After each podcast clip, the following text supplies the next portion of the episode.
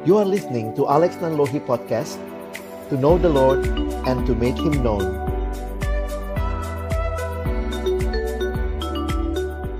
Sungguh rindu biarlah apa yang boleh kami sama-sama pelajari Menolong kami juga di dalam kami boleh menghayati iman kami kepada Tuhan di dalam berbagai pergumulan hidup. Kami menyadari bahwa kami sangat membutuhkan Tuhan dan karena itulah kami berserah kepadamu juga untuk waktu malam hari ini. Kami menyerahkan waktu ke depan Tuhan yang memimpin, baik hambamu yang menyampaikan, setiap kami yang mendengar. Tuhan tolonglah kami semua, agar juga dalam interaksi kami, kami bukan hanya memahami firman-Mu tetapi juga didorong untuk boleh melakukannya di dalam kehidupan kami. Terima kasih Tuhan, waktu ke depan kami persembahkan dalam tangan pengasihan-Mu. Dalam nama Tuhan Yesus Kristus, kami menyerahkan uh, waktu ini. Amin. Ya, shalom teman-teman sekalian. Bersyukur buat malam hari ini boleh kumpul lagi, boleh saling sharing dan belajar firman Tuhan. Uh, saya coba siapin satu materi buat kita dan nanti biar kita juga bisa ikut sama-sama. Saya udah coba tuliskan ayat-ayatnya begitu ya. Uh, saya coba share screen sebentar. Oke. Okay. Nah, kita boleh share dulu kali ya. Sebelum kita lanjut, kita coba share dulu kalau ditanya ya, teman-teman melihat kembali hidupmu, perasaan apa yang tepat menggambarkan hidupmu saat ini? Mungkin ya jangan saat ini lah ya, minggu ini deh gitu ya. Apa pun perasaan kita, kita tetap bisa bersyukur sama Tuhan ya. Kalau digali pasti apa yang teman-teman tulis uh, ada cerita di baliknya ya. Cuma malam ini mungkin kita nggak dengar semua cerita jadi uh, paling tidak kita bisa saling mendoakan lah ya. Paling nggak tahu oh ya yang lain lagi punya pergumulan kayaknya dengan nomor yang dia pilih. Oke. Okay. Nah, saya mulai malam ini dengan sebuah kutipan yang juga sering uh, mungkin sering disampaikan berkaitan dengan kekristenan ya. Dikatakan Christianity isn't a religion, it's a relationship with God through Jesus Christ. Mungkin kalau uh, Kak Alex nambahin ya, Christianity is not only a religion. Tentu ada ada sifat keagamaan di dalam kekristenan, tetapi pada dasar yang terutama kekristenan adalah relasi dengan Allah melalui Yesus Kristus. Nah, ini kutipan yang menarik karena uh, kalau berbicara agama, maka agama itu biasanya berbicara ajarannya, Lalu kemudian agama itu ya berbicara mengenai ritualnya. Tetapi kekristenan lebih daripada sekadar kita ber, ber apa ya berritual, mengikuti ritual, lebih daripada sekadar kita mengikuti ajaran Yesus. Pusat kekristenan ada pada diri Yesus Kristus yang di dalam dia kita bisa mengenal Allah. Jadi ini sebuah kutipan yang menarik bahwa it's not about religion, it's about relationship. Dan karena ini relationship, tidak ada agama yang minta supaya pendirinya diterima dalam hati gitu ya. Terima Yesus sebagai Tuhan dan Juru Selamat. Semua agama bicara ikuti ajarannya. Ikuti ajarannya, ikuti ritualnya, kamu beragama, kamu akan dapat uh, pahala. Kekristenan berbicara bukan itu semua yang pertama dan terutama adalah engkau dan saya menerima siapa Yesus di dalam hidup kita. Jadi, pengenalan akan Tuhan ini sebuah pengenalan. It's a relationship. Knowing God itu bukan about knowledge only, tetapi a living experience, pengalaman dengan Tuhan. Dan itu harusnya menjadi bagian yang kita alami, bukan cuma kita ketahui. Kalau kita cuma tahu tidak kita alami, saya pikir itu sebuah uh, hal yang yang yang jauh sekali ya antara kekristenan yang sejati itu it's not knowing about God but knowing God. Nah, kalau dalam bahasa Inggris itu beda sekali. Mengenal Allah dan mengenal tentang Allah. Jadi, pengenalan akan Allah menjadi sebuah pengalaman. Nah, malam ini kita akan lihat dari satu Mazmur, Mazmur 145. Dan e, menarik sekali melihat Mazmur ini karena ini adalah Mazmurnya Daud dan di dalamnya Daud bukan hanya mengenal tentang Allah, tetapi dia mengenal Allah.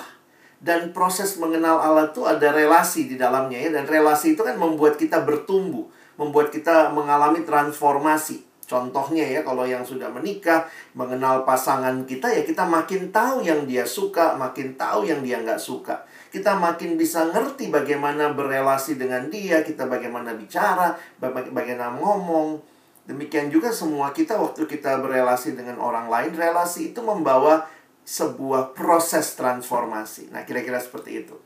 Nah, Mazmur ini adalah Mazmur Daud yang ditulis dengan menarik teman-teman nanti bisa perhatikan sebenarnya tidak kelihatan dalam bahasa Indonesia tapi dalam bahasa aslinya ini kan 21 ayat. Mazmur 145 itu 21 ayat. Nah, huruf atau abjad dalam bahasa Ibrani itu 21. Jadi Hebrew alphabet itu 21. Lalu kemudian kalau kita perhatikan setiap ayat ini dimulai dengan huruf yang ada dalam abjad Ibrani. Makanya ada 21 ayat. Jadi kalau bertemu dengan hal yang seperti ini di dalam uh, bahasa aslinya ini biasa disebut sebagai puisi akrostik. Puisi akrostik itu puisi yang disusun dari huruf depan dari abjad uh, Ibrani karena ini dalam bahasa Ibrani kitab Mazmur. Jadi kalau teman-teman perhatikan di dalam kitab Mazmur ada beberapa puisi akrostik ya. Dan ini salah satunya di Mazmur 145. Nah, kita akan membaca, saya sudah tuliskan ayat-ayatnya. Saya akan bacakan buat kita. Puji-pujian dari Daud. Aku hendak mengagungkan Engkau ya Allahku ya Raja, dan aku hendak memuji namamu untuk seterusnya dan selamanya. Setiap hari aku hendak memuji engkau, dan hendak memuliakan namamu untuk seterusnya dan selamanya. Besarlah Tuhan dan sangat terpuji, dan kebesarannya tidak terduga. Angkatan demi angkatan akan memegahkan pekerjaan-pekerjaanmu, dan akan memberitakan dan akan memberitakan keperkasaanmu. Semarak kemuliaanmu yang agung dan perbuatan-perbuatanmu yang ajaib akan kunyanyikan. Kekuatan perbuatan-perbuatanmu yang dahsyat akan diumumkan mereka dan kebesaranmu hendak kuceritakan. Ayat 7 Peringatan kepada besarnya kebajikanmu akan dimasyurkan tentang uh, dimasyurkan mereka dan tentang keadilanmu mereka akan bersorak-sorai. Tuhan itu pengasih dan penyayang, panjang sabar dan besar kasih setianya. Tuhan itu baik kepada semua orang dan penuh rahmat terhadap segala yang dijadikannya. Segala yang kau jadikan itu akan bersyukur kepadamu ya Tuhan dan orang orang akan yang kau kasihi akan memuji engkau. Mereka akan mengumumkan kemuliaan kerajaanmu dan akan membicarakan keperkasaanmu untuk memberitahukan keperkasaanmu kepada anak-anak manusia dan kemuliaan semarak kerajaanmu. Kerajaanmu ialah kerajaan segala abad dan pemerintahanmu tetap melalui segala keturunan. Tuhan setia dan segala perkataannya segala perkataannya dan penuh penuh kasih dalam segala perkataannya dan penuh kasih setia dalam segala perbuatannya. Tuhan itu penopang bagi semua orang yang jatuh dan penegak bagi semua orang yang tertunduk. Mata sekalian orang menantikan engkau dan engkau pun memberi mereka makanan pada waktunya. Ya, ayat 16 sorry belum keluar ya. Uh, Oke, okay. sebentar. Saya laptopnya disconnect. Masih, Opi, masih putus-putus. Masih ya? Halo. Sebentar. Ini sinyal lagi jelek banget nih. Aku tadi mental tuh. Gimana? Sudah jelas kah?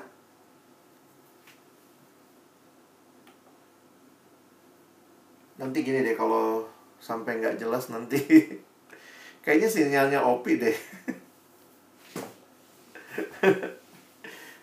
Masak padangnya kelamaan, Pi. Yang lain gimana? Yang lain gimana?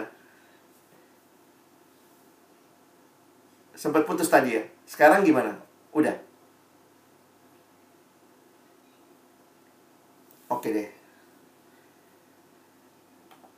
Iya. Sorry sebentar.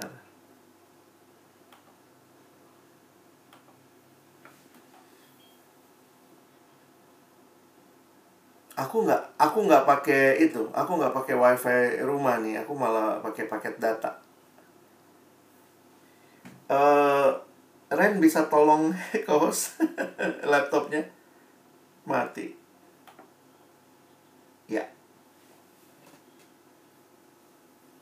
Bukan, ah, bukan yang akunya. Eh, bukan yang yang. Oke.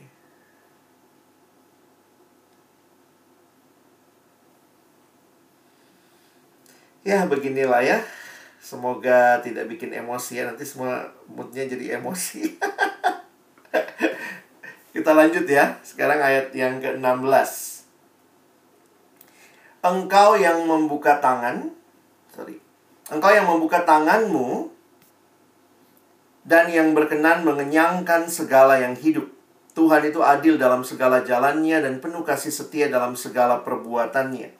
Tuhan dekat pada setiap orang yang berseru kepadanya, pada setiap orang yang berseru kepadanya dalam kesetiaan. 19. Ia melakukan kehendak orang-orang yang takut akan dia, mendengarkan teriak mereka minta tolong dan menyelamatkan mereka. Tuhan menjaga semua orang yang mengasihinya, tetapi semua orang fasik akan dibinasakannya. Mulutku mengucapkan puji-pujian kepada Tuhan, dan biarlah segala makhluk memuji namanya yang kudus untuk seterusnya dan selamanya. Baik, jadi kalau teman-teman memperhatikan ayat-ayat ini, nah ini perlu kita pahami ya, kalau kita belajar Mazmur, maka pastikan dulu ini Mazmur tentang apa. Memang di dalam Mazmur ada yang sangat kelihatan, ada yang juga kurang kelihatan. Tapi ini sangat jelas terlihat, ini Mazmur yang disebut Mazmur puji-pujian. Jadi ya, ini Mazmur pujian.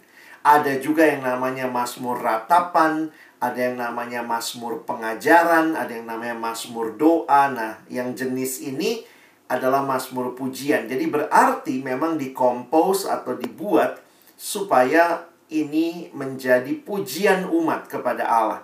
Nah, ini sekali lagi uh, Kak kasih uh, ini ya ya highlightnya. Mazmur ini 145 merupakan Mazmur terakhir dari Daud di dalam kitab Mazmur. Jadi kalau teman-teman perhatikan tidak semua Mazmur ditulis sama Daud ya. Ada beberapa Mazmur itu uh, tidak ditulis oleh Daud. Jadi kemudian penulis atau yang uh, mengumpulkan kitab Mazmur, editornya memasukkan. Nah, yang menarik dia memasukkan ini sebagai Mazmur Daud yang terakhir di dalam Mazmur 145.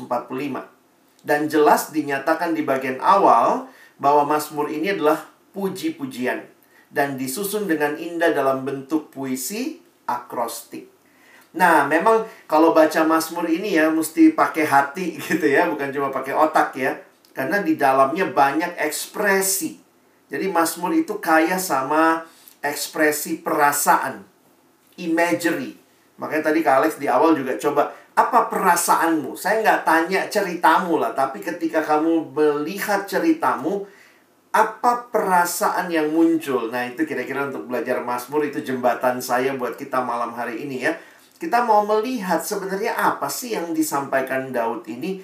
Daud sedang menyampaikan pujian kepada Allah. Nah, memang di dalamnya kita bisa melihat dua bagian besar ya. Nanti kita akan coba lihat. Tetapi Uh, kalau kita membaca Mazmur, perhatikan Mazmur itu ada bagian pertama, ada bagian kedua. Jadi karena bentuknya puisi, maka ada baris pertama di setiap ayat itu ada baris pertama, ada baris kedua. Nah, di situ kadang-kadang kita perlu melihat bagian-bagian dari baris itu. Nah, contoh ya, kita lihat. Salah satu ciri Mazmur yang luar biasa ini adalah cara pemazmur menggunakan begitu banyak kata yang berbeda untuk istilah memuji. Nah, kayak gini-gini teman-teman bisa lihat ya. Jadi sebenarnya semua yang dia sampaikan tentang memuji Tuhan itu dipakai dengan berbagai jenis ungkapan. Nah, itu yang Kak Alex garis bawahi dengan warna merah. Contohnya merah apa? Mengagungkan, memuji. Ini ayat 1 ya. Perhatiin yang merah dulu ya. Saya lewatin dulu yang merah nih, ya. Ayat 2. Aku hendak memuji. Lalu kemudian ayat 2 lagi aku hendak memuliakan. Lalu nanti ayat 4 memegahkan. Ayat 4 lagi di bawahnya memberitakan. Nanti lihat lagi, lanjut lagi ayat 5. Kunyanyikan. Ya, jadi itu semua bagian memuji. Lalu ayat 6 diumumkan. Lalu ayat 6 bagian terakhir diceritakan. Lalu nanti saya nggak bikin semua ayat ya teman-teman. Maksudnya ini kayak tips aja kalau mau baca Mazmur coba perhatikan ya. Kenapa kita perlu tahu ini Mazmur apa? Dari mana kita tahu itu Mazmur apa? Perhatikan kata-kata yang muncul dan ini kelihatan nih. Dia menggunakan berbagai istilah untuk menyampaikan pemazmur mengajak untuk memuji Tuhan atau menyatakan pujian kepada Tuhan. Makanya ayat 7 dimasyurkan ayat 7 bagian akhir bersorak-sorai. Nah, itu bisa terlihat. Nah, selain itu apa? Coba lihat lagi. Kita ulang lagi dari ayat 1 ya. Nah, di dalam ayat 1 ini, saya ingin mengajak kita memperhatikan beberapa istilah yang dia pakai menyebut Allah. Itu yang warna warna hijau. Aku hendak mengagungkan engkau, ya Allahku. Lalu ya raja. Makanya ini menarik sekali dia biasa disebut sebagai Mazmur kerajaan ya karena ini salah satu Mazmur yang mengadres Allah sebagai raja. Ya Allahku, ya raja. Teman-teman mungkin kita nggak punya penghayatan terlalu dalam tentang kerajaan ya karena kita hidup di alam demokrasi. Tetapi di masa yang lalu, raja itu adalah gambaran pemimpin yang berkuasa penuh. Itulah raja. Kalau kita melihat raja itu ya bahkan di dalam beberapa bagian itu boleh sewenang-wenang, bukan cuma bisa, boleh gitu ya. Jadi dia bisa minta apa, ambil apa dari rakyatnya. Makanya punya raja yang buruk itu yang sengsara rakyatnya. Nah, perhatikan Allah digambarkan sebagai raja dan kemungkinan menurut beberapa penafsir waktu Daud menulis ini dia pun sudah jadi raja. Jadi bisa jadi ini Mazmur ketika dia menjadi raja. Jadi dia waktu mengatakan Allah raja, wow, di atas raja ada raja. Kira-kira seperti itu ya. Nah, penghayatan itu perlu kita pahami karena kita kan ngertinya raja itu kayak apa ya. Kalau kita kan presiden pun 10 tahun dua periode mesti turun. Raja tuh nggak begitu. Raja itu cuma turun, diganti kalau meninggal atau ada kerajaan lain yang menaklukkan atau terjadi kudeta. Jadi punya raja yang baik itu sungguh luar biasa ya. Nah, lihat caranya Daud mengekspresikan. Dia bilang kepada Allahku ya raja. Lalu perhatikan istilah lain muncul di dalam ayat yang kedua. Sorry, ayat yang ketiga. Dipakai istilah Tuhan. Nah, nanti teman-teman perhatikan ya. Tuhannya itu huruf besar semua. T U H A N. Nah, di dalam Alkitab, nanti lihat di kamus Alkitab, kalau teman-teman ada Alkitab cetak, di kamus Alkitab, di belakang diberitahu kepada kita kalau ada istilah Tuhan, itu adalah nama Allah Israel. Maksudnya apa? Nah, pada masa itu semua Allah punya nama. Misalnya Allahnya Babel, ada kan mereka politeis ya, Allahnya ada yang namanya Bel. Jadi dewanya disebut dewa Bel ada yang namanya juga dewa Marduk. Nah, itu nama dewa. Nah, namanya Allah Israel adalah Yahweh. Nah, Yahweh itu diterjemahkan di Alkitab Perjanjian Lama kita dengan menggunakan kata Tuhan besar semua. T-U-H-A-N. Makanya jangan heran kalau ketemu misalnya pernah baca Mazmur Mazmur 8 misalnya. Saya kasih contoh ya, sebentar. Alex stop share screen dulu. Kita coba lihat Mazmur 8 ya. Nah, di Mazmur 8 ini ada kalimat yang menarik. Kok Tuhannya dua kali? Kenapa Tuhannya dua kali? Bukan takut jatuh gitu ya. Nanti kalau jatuh satu masih Tuhan juga gitu ya. Bukan. Di dalam Mazmur 8, coba teman-teman perhatikan yang ada di screen ya. Jadi lihat di Mazmur 8, Mazmur ini mengatakan, nah, kalian bisa besarin sendiri ya. Ya Tuhan, ya T-U-H-A-N, koma Tuhan kami. Jadi itu bukan dua kali kata Tuhan redundant tanpa makna, tetapi ya Yahweh Tuhan kami. Nah, itu istilahnya muncul begitu. Nah, apakah artinya Tuhan? Tuhan itu adalah nama yang Allah perkenalkan kepada Abraham. Jadi Abraham itu mengikat perjanjian. Jadi nama Tuhan adalah nama perjanjian. Dan ini yang kemudian dikatakan ketika Musa ya, dikatakan Musa waktu Musa tanya, Tuhan kalau mereka tanya siapa namamu? Tuh Tuhan katakan, aku adalah aku, Yahweh gitu ya. Bahwa dia yang kekal, dia yang awal dan yang akhir ya. Nah, jadi istilah Tuhan itu selalu mengingatkan orang Yahudi akan perjanjian kekal yang Allah buat dengan bapak-bapak leluhur mereka. Jadi sekali lagi kata Tuhan bukan sekadar istilah seperti kita kenal Tuhan biasa tetapi nama yang menyebut pribadi Allah yang mengikat perjanjian dengan umat Israel. Nah, makanya kayak Mazmur 8 coba lihat di ayat terakhirnya juga dia pakai istilah itu ya. Ini Mazmur kan di awal sama di akhir sama nih. Ya Tuhan, Tuhan kami. Ya. Ya Tuhan, koma Tuhan kami. Ya Yahweh, Tuhan kami. Ditutup juga dengan Ya Tuhan, Tuhan kami. Ya Yahweh, Tuhan kami. Betapa mulianya namamu di seluruh bumi. Nah, jadi kita bisa menghayati seperti itu.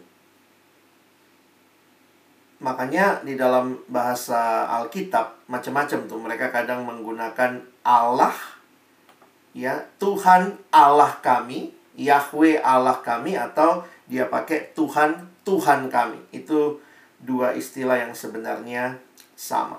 Dalam arti mau menyebut tentang Yahweh. Nah, dua nama itu muncul. Apa yang kuning-kuning itu ya? Yang kuning-kuning itu bukan sate padangnya Opi gitu ya. Tapi yang kuning-kuning ini waktu saya memperhatikan ini adalah reason atau reasons ya. Apa sih yang dipuji?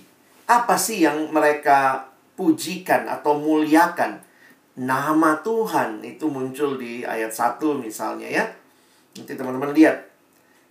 Kebesaran Tuhan di dalam ayat 3 misalnya. Lalu perhatikan ayat 4. Pekerjaan-pekerjaan Tuhan mau dimegahkan. Apalagi keperkasaan Tuhan ayat 4. Nah ini jadi kalau kalian mau belajar Mazmur bisa begini ya. Ambil pulpen warna, coret-coret gitu. Lalu ini nih sudah masuk nih. Kemuliaan perbuatan kekuatan perbuatan perbuatanmu yang dahsyat kebesaranmu ya. Dan nanti yang saya cuman kasih contoh sampai ayat 7 ya. Peringatan kepada kebesar, kepada besarnya kebajikanmu akan dimasyurkan dan tentang keadilanmu. Jadi siapa Tuhan? Tuhan itu bukan cuma sebuah konsep, tapi seorang pribadi yang nyata buat Daud. Dia adalah raja. Nah, itu yang sangat kelihatan. Nah, ada satu warna lagi. Nah, warna yang biru, kalau teman-teman perhatikan, ini adalah sebuah uh, apa ya, semacam time, uh, waktu yang yang diberikan. Jadi kalau ditanya sampai kapan memuji Tuhan untuk seterusnya dan selamanya. Lalu kemudian ayat 2, setiap hari. Lalu kemudian untuk seterusnya dan selamanya. Lalu ayat 4, angkatan demi angkatan. Nah, nanti kita akan gali itu ya. Angkatan demi angkatan saya akan jelaskan lebih jauh. Jadi uh, hanya itu sih muncul sampai ayat 4 ya. Nanti teman-teman bisa cari lagi di bawah kalau ada tapi sampai di ayat 7 uh, eh, Kak Alex cuma lihat itu muncul di uh, sebenarnya paling lengkap nih di ayat 2 ya. 2 dan 4 ya. Ada setiap hari, ada untuk seterusnya dan selamanya dan juga ada angkatan demi angkatan. Apa maksudnya nanti kita coba perhatikan sama-sama. Nah, jadi menarik untuk memperhatikan Mazmur ini dengan membacanya kita bisa mendapat berbagai konsep. Siapa Tuhan yang harus dipuji? Apa alasan mengapa kita harus memuji Tuhan? Lalu kemudian siapa yang yang tadi ya siapa dia Tuhan yang harus dipuji dia dia menyatakan dirinya lalu alasan kita memuji Tuhan dan kita bisa katakan sampai kapan kita memuji Tuhan. Nah ini kelihatan jelas dari ayat-ayatnya. Nah saya mau soroti yang dua yang pertama ya yang masalah uh, siapakah Allah? Siapakah Allah dan seperti apa karakternya? Ya uh, siapakah Allah dan seperti apa karakternya. Nah ini yang Kak coba bagi dua secara khusus di Mazmur ini. Teman-teman kalau lihat di Alkitab cetak sebenarnya cukup jelas terlihat. Di ayat 1 sampai ayat 13 itu jelas sekali bisa kita simpulkan yang diperkenalkan adalah Allah sebagai sang raja. Nah, nanti bagian kedua itu ada ayat 14 sampai 21. Nanti teman-teman bisa lihat juga siapa Allah yang diperkenalkan nanti kita bahas ya. Kita mulai dulu yang pertama. Dari ayat 1 sampai ayat yang ke-13 identitas atau pujian kepada Allah Sang Raja itu jelas sekali tadi sudah kita bahas ya. Dan Perhatikan ayat 13. Kalau di dalam ayat satunya bicara ya Allahku ya Raja. Lalu ayat 13 mulai bicara kerajaanmu ialah kerajaan segala abad. Pemerintahanmu tetap melalui segala keturunan. Dan sifat-sifat sang raja. Ini memang ya agak susah kita pilah-pilah ya. Tapi saya sengaja pilah supaya kita bisa dapat konsepnya. Dia adalah Allah sang raja tetapi perhatikan ayat 13 juga digambarkan Tuhan setia, Tuhan penuh kasih setia. Nah, ini semua menunjukkan kepada yang tadi Kak Alex bilang ya. Teman-teman kalau tahu raja pada masa itu, raja itu banyak yang jahat gitulah. Nah, begitu punya raja yang baik kayak begini ini luar biasa. Raja yang benar-benar hadir yang setia dalam segala perkataannya. Ya, dari dulu juga banyak orang yang cuma ngomong ya di awal masuk memerintah, mungkin janji-janjinya apa, tapi begitu udah dijalani, wah udah langsung lupa sama janji-janji yang diberikan. Nah, jadi itu jadi menarik untuk kita perhatikan ya tentang Allah sebagai Allah Sang Raja. Oke, uh, berikutnya Hmm, mulai lagi nih laptop. laptop saya pakai internet rumah makanya hilang gemilang. Oke, sudah ada lagi. Maaf Kak Iren. Bisa tolong? Yoi.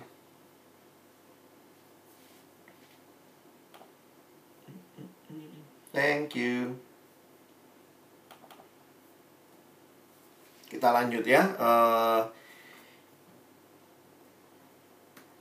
nah, jadi Mazmur 145 ini adalah sebuah nyanyian pujian, it's is a hymn that extols God as king. Itu yang tadi ayat 1 sampai ayat yang ke-13 and nah yang kedua ini menarik ya. Kita nanti akan lihat. And as the one who provides for his vulnerable people.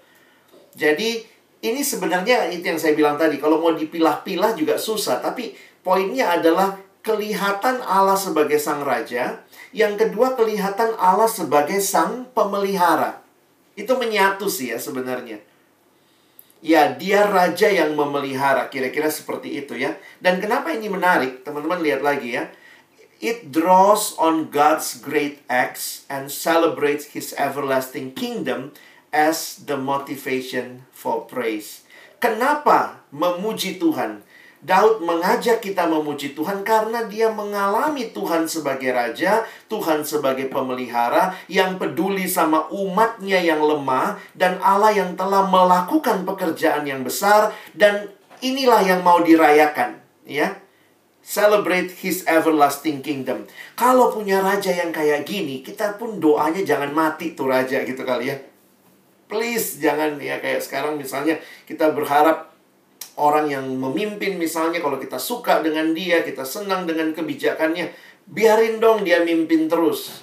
Nah, bagi saya tetap yang namanya presiden, eh, kepala negara, perdana menteri itu punya masa jabatan sekarang ya. Tetapi di masa itu raja tuh nggak ada masa jabatan dan everlasting kingdom sebagai motivasi untuk memuji. Wow, itu sebuah kerinduan yang dalam, ya. Di mana kita lihat sang pemeliharanya? Ya sepanjang ayat-ayatnya kelihatan kok. Walaupun tadi kita baginya 1 sampai 13, tapi di ayat 9 misalnya Tuhan itu baik kepada semua orang dan penuh rahmat terhadap segala yang dijadikannya. Ya, ini penuh rahmat terhadap segala yang dijadikannya. Lalu kita lihat nih, apa yang Tuhan berikan. Ayat 14. Tuhan itu penopang bagi semua yang jatuh, penegak bagi semua yang tertunduk. Pemeliharaan Tuhan tidak melulu bicara sekadar makanan. Tetapi pemeliharaan Tuhan yang menopang, menguatkan, menegakkan itu dialami atau paling tidak Daud melihat dan mengalami sehingga dia mengatakan kalimat ini. Mata sekalian orang menantikan engkau dan engkau pun memberi mereka makanan pada waktunya. Jadi ini juga pemeliharaan ya. Makanan, minuman, kekuatan ya untuk bisa tegak ditopang. Ini yang kita bisa lihat dilanjutkan di ayat 16. Engkau yang membuka tanganmu dan yang berkenan mengenyangkan segala yang hidup. Nah, ini semua istilah-istilah yang menarik karena Tuhan itu kan roh. Allah adalah roh. Tetapi bahasa yang biasa digunakan oleh Mazmur karena ini banyak uh, figuratif, jadi banyak imagery, dia menggambarkan Tuhan seperti orang atau raja yang membuka tangan. Padahal kan Allah nggak punya tangan gitu ya sebagai roh. Tapi ini gambarannya. Tanganmu dan yang berkenan mengenyangkan yang hidup. Tuhan itu adil dalam segala jalannya, penuh kasih setia. Tuhan dekat pada setiap orang yang berseru kepadanya bagi saya sekali lagi ini sebuah hal yang luar biasa. Raja itu banyak yang lihat dia, tapi syukur-syukur dia lihat kita. Tapi raja yang kita miliki, raja yang Daud sembah, raja yang dekat kepada setiap orang yang berseru kepadanya. Lalu dikatakan ia melakukan kehendak orang-orang yang takut akan dia, mendengarkan teriak mereka minta tolong, menyelamatkan mereka. Ini semua respon-respon yang sangat personal. Tuhan menjaga semua orang yang mengasihinya, tetapi semua orang fasik dibinasakannya. Jadi kalau teman-teman kita lihat ya, kalau kita boleh simpulkan, pujian Daud kepada Allah, siapakah Allah? Sang Raja dan Sang Pemelihara atas kebesaran dan kebaikan Allah yang dinyatakan di dalam alam dan berbagai situasi umat manusia, khususnya umat Allah. Jadi bukan hanya buat dunia ini, lebih khusus lagi buat kita. Tidak heran di ayat terakhir, kalian bisa perhatikan, maka Daud berkata, mulutku mengucapkan puji-pujian kepada Tuhan, dan biarlah segala makhluk memuji namanya yang kudus, sampai kapan? Untuk seterusnya dan selamanya. Mengapa bisa ber, ber, ber, berharap seterusnya dan selamanya ya? Karena Tuhan adalah Allah yang kekal, Dia raja yang tidak pernah akan berganti. Dipimpin oleh raja yang begitu care, begitu peduli, begitu mendengar, begitu dekat dengan orang-orang ini menjadi alasan yang cukup bagi kita untuk tetap menyatakan pujian kepada Allah. Nah, bagian terakhir yang tadi Kak Alex bilang ya, sampai kapan memberitakan semua ini? Tadi kita dibilang ada kata setiap hari, terus ada lagi dari dari uh, seterusnya dan selamanya. Tetapi ada hal yang menarik di dalam ayat yang ke 145 ayat yang keempat. Angkatan demi angkatan. Nah, saya memasukkan ini tadi Kales garis bawahi dengan warna biru karena saya melihat ini sebagai keterangan waktu dalam arti harus dilanjutkan. Angkatan demi angkatan akan memegahkan pekerjaan-pekerjaanmu dan akan memberitakan keperkasaanmu. Harus dipastikan gitu ya. One generation shall command your works to another and shall declare your mighty acts. Jadi ada sebuah tanggung jawab yang nampaknya muncul dalam Mazmur ini bahwa bukan hanya angkatannya Daud yang mendengar. Tetapi ini harus didengar terus, begitu ya kira-kira. Nah, saya pikir sebagai anak-anak yang melayani ya, kita sebagai kakak-kakak yang melayani di persekutuan teruna, biarlah bukan cuma kita yang mengalami kasih setia Tuhan, tapi pastikan pastikan generasi adik-adik kita, anak-anak kita, mereka mendengar tentang kasih setia Tuhan. Karena Mazmur ini tidak hanya berhenti. Kadang-kadang istilahnya terlalu klise ya. Untuk seterusnya dan selamanya. Tapi kemudian what is our responsibility? Apa tanggung jawab kita? Memastikan itu didengar selamanya. Paling tidak tanggung jawabnya kita sampaikan kepada angkatan di bawah kita. Nanti anak-anak kita sampaikan lagi kepada angkatan di bawahnya. Syukur-syukur kalau kita masih hidup ketemu cucu ya, ketemu cicit gitu ya. Tetapi paling tidak angkatan sebelumnya memastikan angkatan berikutnya bisa dan tahu tentang Allah dan kebesarannya. Sebagai bagian akhir saya pinjam penjelasan John Piper ya, pendeta John Piper waktu dia mencoba menjelaskan ayat ini dia mengatakan kalimat ini dalam bahasa Inggris ya. It is the biblical duty of every generation of Christians to see to see to it that the next generation hears about the mighty acts of God. Itu sebuah tanggung jawab Alkitabiah yang harus diemban oleh setiap generasi orang Kristen memastikan bahwa generasi berikutnya mendengar tentang perbuatan Allah yang besar. Jadi memang ini kalau masuk lagi lebih jauh ya ini kan tanggung jawab rumah tangga ya. Tapi juga sebagai gereja Tuhan tanggung jawab kita bertanggung jawab karena itu ada PA, ada anak-anak sekolah minggu, ada PT, memastikan generasi berikutnya mendengar tentang Allah. Menariknya begini. Bagaimana mereka ten dengar tentang Allah ya?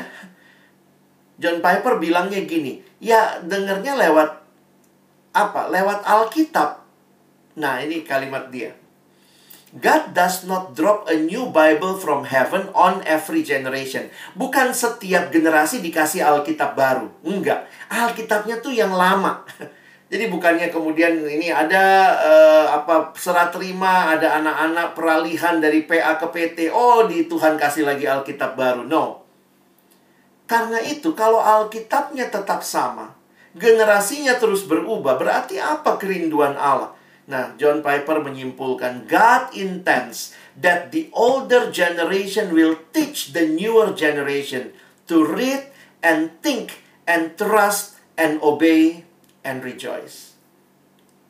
Ya, jadi kalau kita bikin BGA kayak begini ya supaya kita bisa ngerti firman. Kenapa? Kita harus kita tanggung jawab kita loh untuk ngasih tahu ke generasi yang di bawah kita. Apa yang dikasih tahu ya Alkitab, firman Tuhan itu yang harus diteruskan Bukan hanya mereka akan baca, tapi mereka akan berpikir mendalam, mereka percaya, mereka taat, dan mereka akan bersuka cita. Nah, ini beberapa kalimat-kalimat kesimpulannya ya. It is true that God draws near uh, personally to every new generation of believer. But he does so through the biblical truth that they learn from the preceding generation. Benar, Tuhan tuh mengasihi semua generasi. Di generasi ini pun Tuhan sanggup mendekati mereka secara pribadi. Tetapi melalui apa mereka dekat dengan Tuhan? Melalui apa yang kita ajarkan sama mereka.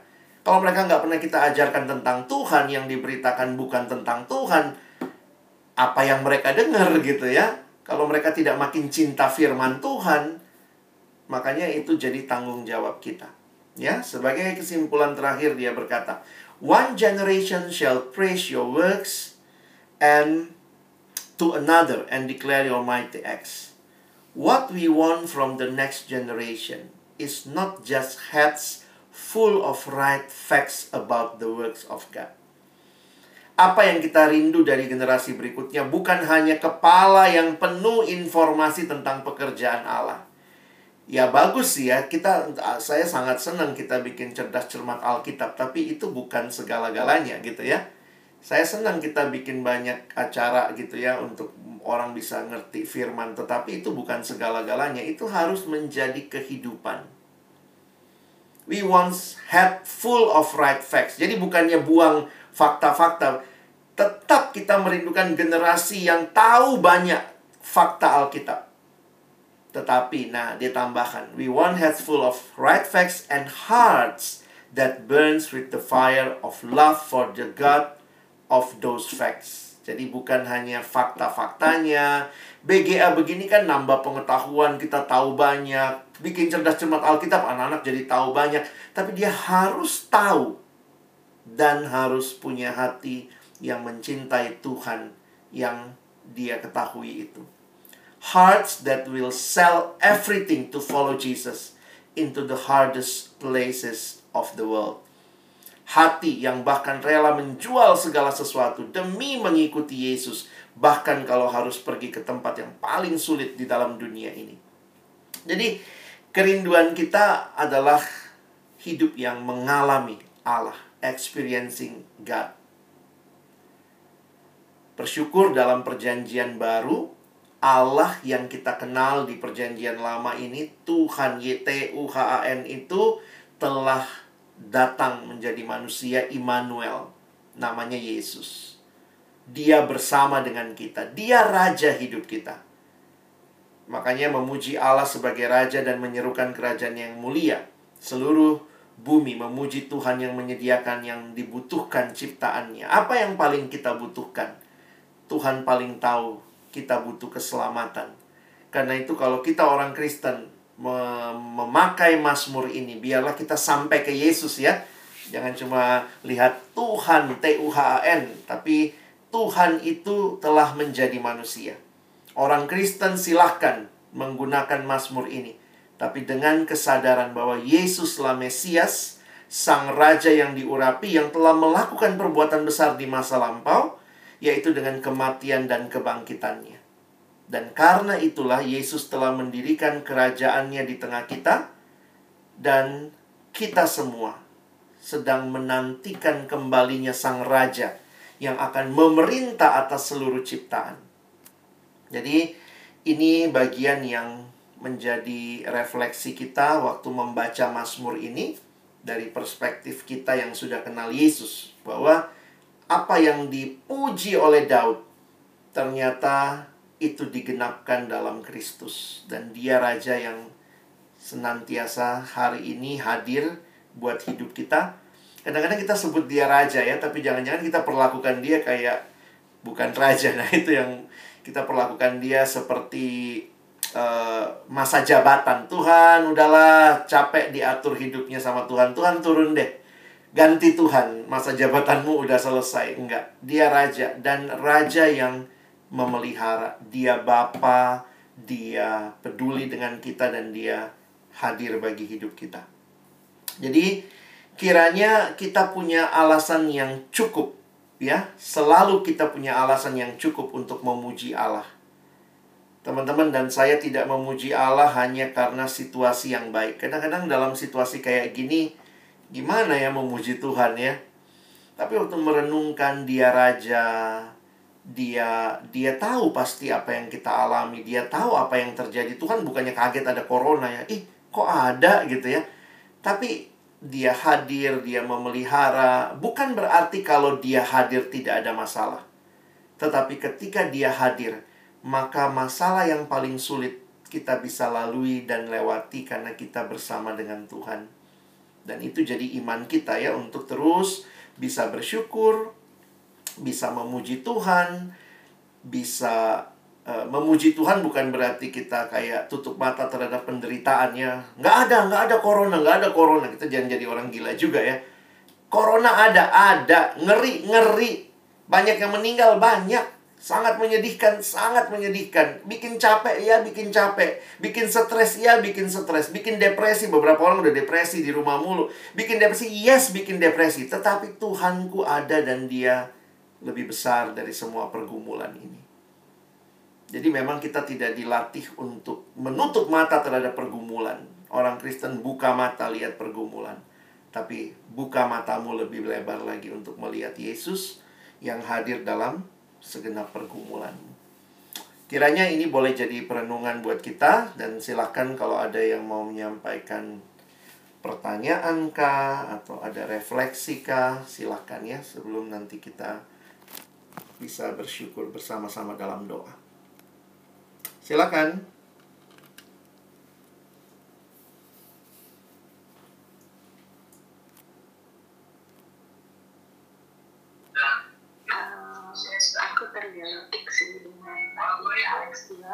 Bahwa um, kita punya tanggung jawab untuk uh, apa tadi uh, apa memberikan uh, kepada generasi di bawah kita ya emang uh, kita sebagai ibu sebagai orang tua uh, PR punya PR yang besar ya mendidik anak-anak sebaiknya sedari sedari dini sedari kecil hmm. makanya kalau saya uh, mungkin saya juga sama James mungkin uh, didikan kita sama dulu hmm.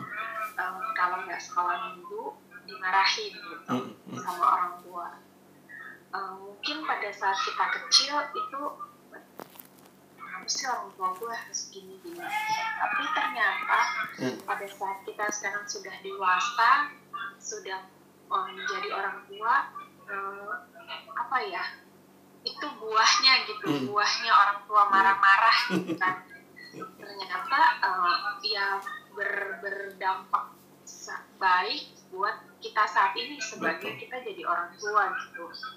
Oleh karena itu saat ini saya juga menanamkan ke anak-anak ya mereka sudah tahu jamnya sekolah minggu misalnya hari hmm. minggu jam 10 mereka sudah dengan ya walaupun kadang saya ingetin tapi kadang tanpa saya ingetin mereka tahu jam 10 mereka sudah harus mandi hmm. sudah harus makan untuk mereka mengikuti sekolah minggu begitu juga dengan tugas-tugas sekolah minggu hmm. saya sih bersyukur uh, di dalam masa pandemi ini uh, ya pelekat PA kita juga uh, tidak mati gitu ya hmm. dalam arti uh, tapi banyak kegiatan sehingga sehingga anak-anak ini termotivasi yeah. gitu walaupun uh, kita, apa apa ya maksudnya kayak menyanyi hmm. uh, mungkin nggak maksimal mereka bisa nyanyi tapi saya uh, dengan effort marah-marah saya pengen mereka berpartisipasi dan belajar memuji Tuhan gitu walaupun mungkin nggak maksimal suaranya nggak bagus-bagus amat gitu tapi saya pengen gitu mereka uh, ya lu pokoknya memuji Tuhan dari kecil hmm. gitu nanti ya saya bersyukur sih kalau misalnya nanti anak-anak saya bisa main uh, piano hmm. main gitar gitu ya cuman ya sekarang apa yang uh, ada apa uh, bantu anak-anak saya untuk bisa melayani Tuhan hmm. ya itu saya berusaha terapkan nah itu aja sih Kak Alex thank you Le ini sebuah tindakan nyata dari generasi ke generasi Silakan kalau ada lagi mungkin. Silakan, silakan Step. Uh, tadi yang untuk yang apa ya, saya masih uh, bingung antara hmm. penamaan yang Tuhan dengan Allah. Hmm. Dan, uh, kita kan harus memahami kan siapa itu Allah untuk hmm. ngajarin uh, anak-anak kita atau gimana persiapan lah. Hmm. Nah, uh, saya tuh masih bingung misalkan kalau sebutan kita kan Allahnya Allah Tritunggal ya kan. Iya kalau kita sebutan dengan Tuhan Bapa, Tuhan Anak atau Tuhan Roh Kudus itu sebutan itu bisa juga tuh nggak bisa ya harus pakai Allah Bapa, Allah hmm. uh, Anak dan Allah Roh Kudus. Itu aja sih kan. Iya. Oke, okay, kasih. Thank you. Nah, memang ini ini terminologi ya. Aduh, terminologi itu di dalam di dalam teologi juga banyak perdebatan. Dalam arti misalnya lebih tepat mana sebutnya? Allah Bapa, Allah Anak, Allah Roh Kudus. Nah, bahkan ada yang bilang jangan pakai begitu deh. Nanti orang berpikirnya tiga Allah. Allah Bapa, Allah Anak, Allah Roh Kudus. Makanya kalau gereja Katolik kan dia nggak sebut satu-satu ya, tapi dia cuma bilang Allah Bapa, Putra, dan Roh Kudus. Jadi setiap individu itu atau setiap pribadi Allah itu uh, tidak meniadakan dirinya, tetapi juga tidak menjadikan kayak jadi triteisme, ada tiga Allah. Nah, kita yang protestan ini yang kadang rancu. Setiap gereja suka-sukanya aja bicara ya, bilangnya Allah Bapa, Allah Anak, Allah Roh Kudus kah?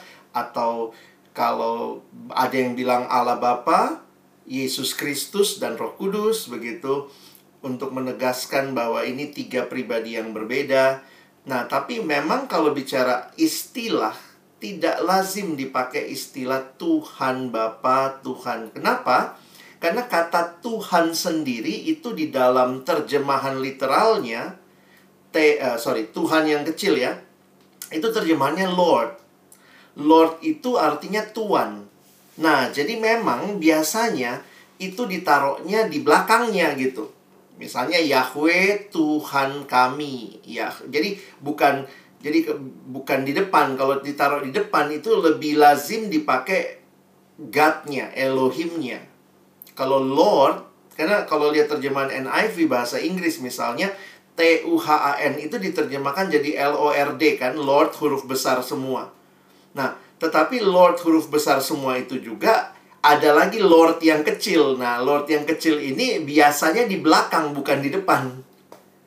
Jadi memang kalau mau terminologinya tidak membingungkan uh, ya tapi gini ya, jangan terlalu takut dengan anak-anak nanti mereka gimana. Poin saya selama mereka ada dalam kehidupan keluarga yang beriman, pemahaman mereka tentang Allah Tritunggal itu pelan-pelan akan bertumbuh. Supaya akhirnya dia sadar nih Allah kita tuh bukan tiga satu.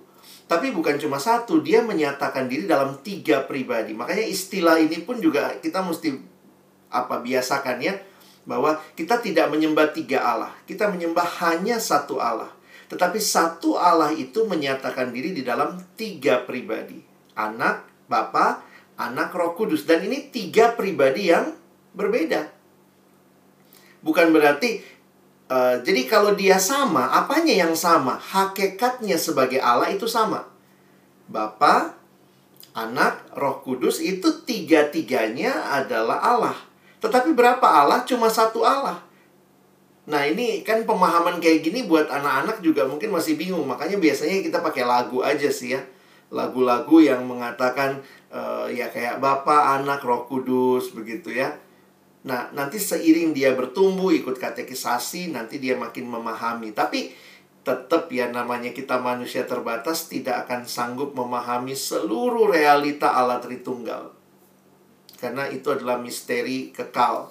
Tapi ada penjelasannya ya bisa dijelaskan tetapi tidak bisa dijelaskan dengan komprehensif. Karena kalau ada penjelasan yang sangat komprehensif menjelaskan Allah, maka penjelasan itu yang jadi Allah gitu ya. Nah, itu kira-kira sederhananya seperti itu sih, Steph. Masalah kelaziman. Terima kasih, Sama-sama. Iya, iya. Mungkin yang lain ada? Ya, Li, silakan, Li.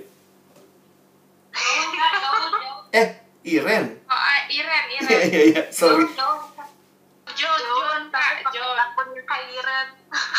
Oh, John. Jon, Kak. Silakan. Buka kameranya. Siapa tahu penyusup ya, Pen. Jelas kalau sekarang mesti jelas tuh, penyusup nggak?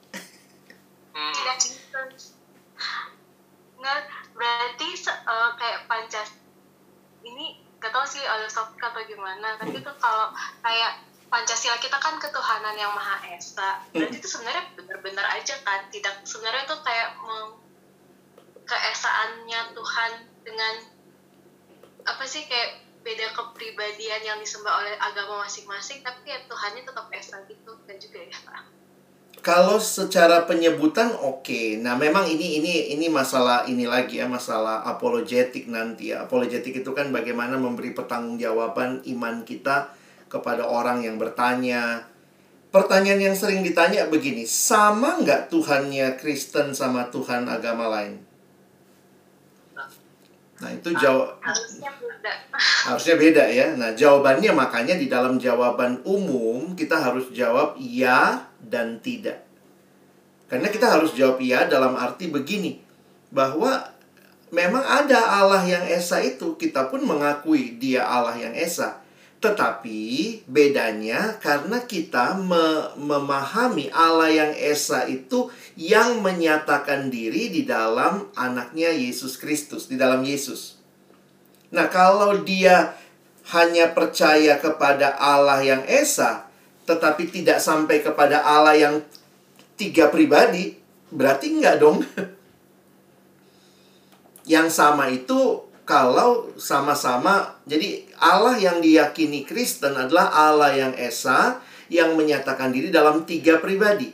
Nah, agama lain itu bicara Allah yang esa saja.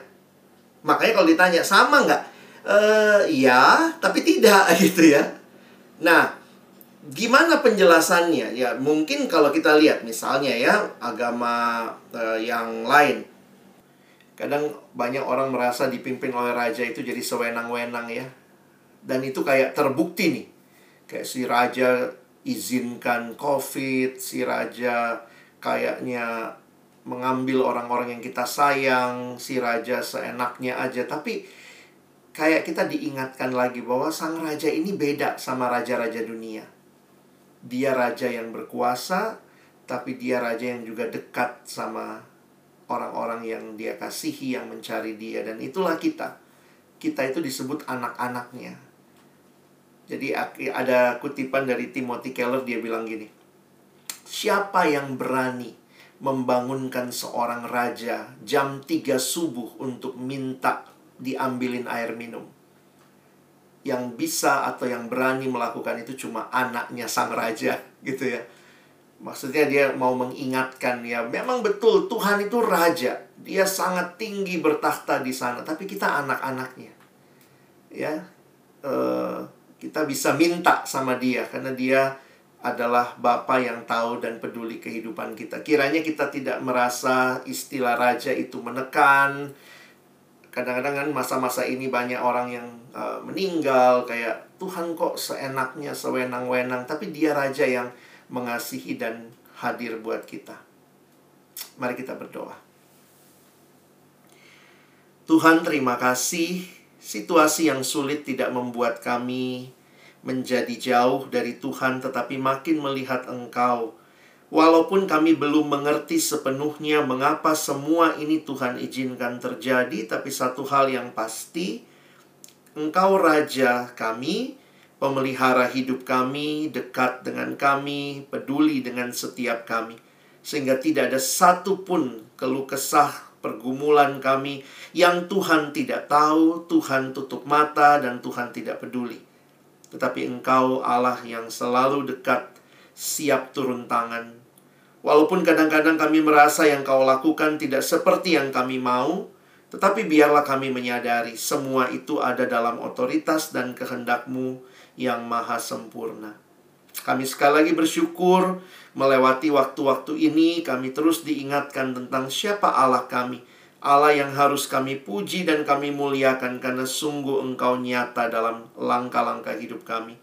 Secara khusus juga berdoa untuk kami sebagai pelayan-pelayan di persekutuan teruna ataupun di bagian yang Tuhan percayakan untuk kami pelayanan untuk memastikan setiap generasi mendengar firman-Mu.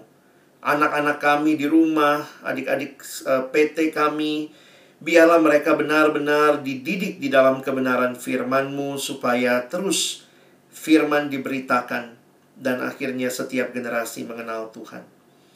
Bersyukur buat setiap kami yang ada dalam ruang Zoom ini, berkati setiap kami, berkati untuk Opi, untuk Lia, untuk Stephen, untuk Helen, untuk Lindy, keluarga, untuk Irene, untuk uh, John juga untuk Steph, untuk David dan hamba sendiri.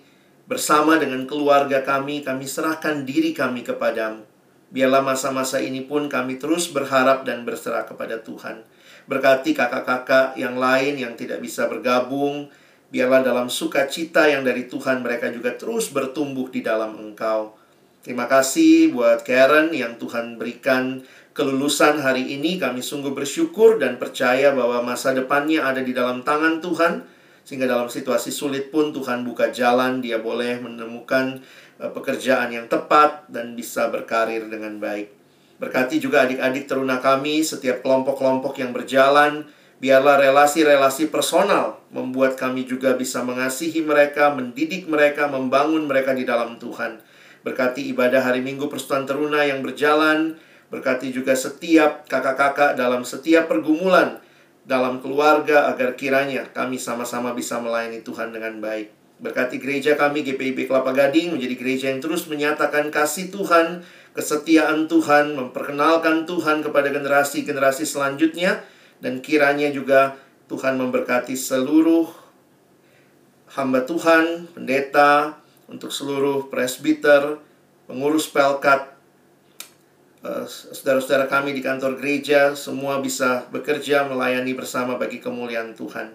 Sekali lagi kami bersyukur buat malam ini kami akan melanjutkan uh, istirahat kami. Biarlah Tuhan berikan istirahat yang baik, yang cukup untuk kami juga bisa hidup dan melayani Tuhan di esok hari. Sekali lagi kami bersyukur seluruh diri kami, keluarga kami, anak-anak kami, kesehatan, pertumbuhan mereka kami serahkan dalam nama Tuhan Yesus Kristus. Kami sudah berdoa, kami bersyukur.